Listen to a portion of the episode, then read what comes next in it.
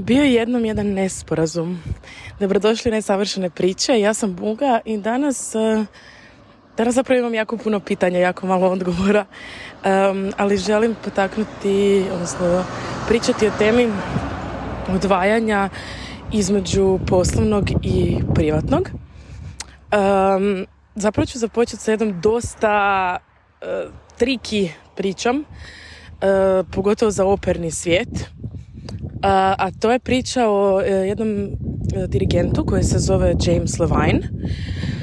James Levine je kao vrlo mlad dirigent, postao jako, jako renomiran i poznat i postao je umjetnički e, direktor e, Metropolitan opere u New Yorku. E, za one koji ne znaju, operni svijet, znači Met, Met spada u top 5 opera na svijetu i bio je umjetnički ravnatelj Meta, ja mislim, preko 30 godina većina uh, e, DVD-ova, CD-ova koji su izdani u to vrijeme iz Meta, e, na njima je James Levine i on dirigira tim izvedbama.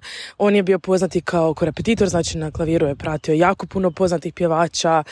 E, sve ono što sam ja čitala, većina pjevača koja je s njim radila su govorili da on predivan umjetnik, da je ima, ono, ima žasno puno znanja, da je s njim prekrasno radit, da je on zaista ono, voli umjetnost, da on živi umjetnost, da je on ono, James Levine je bio jedan od uzdanica opere, jedan od najvećih dirigenata u zadnje vrijeme, e, pogotovo naravno Amerika, dijelu i slično. E, sedok se nedavno, mislim nedavno, sad je već ima, ja mislim, čak pet godina, ako ne i više, je izašla priča o njemu da je kad je bio mlad, u 80-ima, osnovao je svoj orkestar i da je u tom orkestru maltretirao e, svirače, e, seksualno uznemiravao, ucjenjivao, iskorištavao svoju poziciju moći nad mnogim umjetnicima i kako to Ameri kažu danas, Amerikanci, Ameri je možda pogredna riječ, kenslali su ga.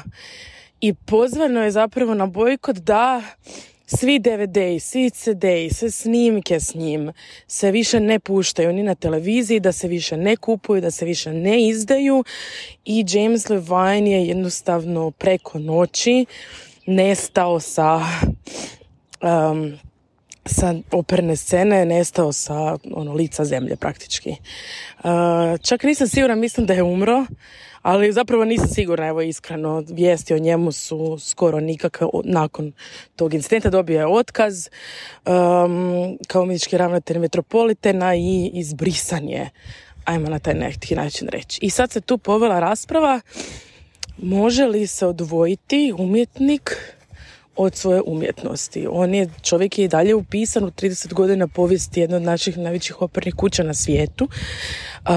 dao je njegov doprinos toj umjetnosti i dalje se ne može osporiti i sad se tu poteglo to pitanje koje mene zapravo proganja, mislim proganja, bavim se s njim u zadnje vrijeme, a to je ta naša vrijednost nas kao osobe i nas kao onih koji radimo i našeg posla ajmo reći umjetnosti ili bilo kojeg drugog našeg posla i komunikacije u istom smislu. Mislim da je to nešto što se jako kod nas, u, na, općenito u zapadnoj civilizaciji, ne znam kako je drugima, jako izmiješalo. Pa zato imamo i problem sa kritikama, sa primanjem bilo kakvih kritika ili davanje, pa onda ili dajemo kritike koje su potpuno ne, ne neobjektivna u smislu meni se to nije sviđalo pa onda to ne valja e, znači idemo skroz individualno e, ili se ne usudimo išta reći jer kao neko će se uvrijedit užasno teško odvajamo zapravo sebe kao osobu i sebe kao profesionalca sebe kao radnika kao djelatnika uh, znači imamo problem samo u komunikaciji a s druge strane recimo ono što ja mislim da je u pogotovo u umjetničkom svijetu problem, mogu samo govoriti svoje perspektive, ali e, vjerujem da to primljenimo i na druge. Ako napraviš, ne znam, grešku u profesionalnom smislu, to povezuješ sa vrijednošću sebe kao osobe. Kak, koliko ti vrijediš kao osoba ovisi o tome koliko ti vrijediš kao djelatnik, umjetnik, radnik. Ako ti nije uspjela, ajmo reći, predstava, to direktno utječe na tvoj osjećaj vrijednosti kao osobe. Pogotovo u umjetnosti to je jako problematično s obzirom da je naš os- posao tako iznimno osoban i intiman i toliko, pogotovo recimo kod pjevača gdje je naš instrument u našem tijelu, on je dio nas kao osobe. pa je to onda još problematičnije. Ali zapravo mislim da smo se, ja znam kada razgovaram i sa kolegama, jako je teško, zapravo mislim da bi čak trebalo uvesti kao sad razgovaramo poslovno, ovo nema veze s tom kao osobom, ovo nema veze s našim odnosom privatno, ali poslovno to je to nije valjalo ili poslovno imamo problem tu i tu, ali mi se odmah aktiviramo emocionalno odmah se ljudi uvrijede na osobnoj razini.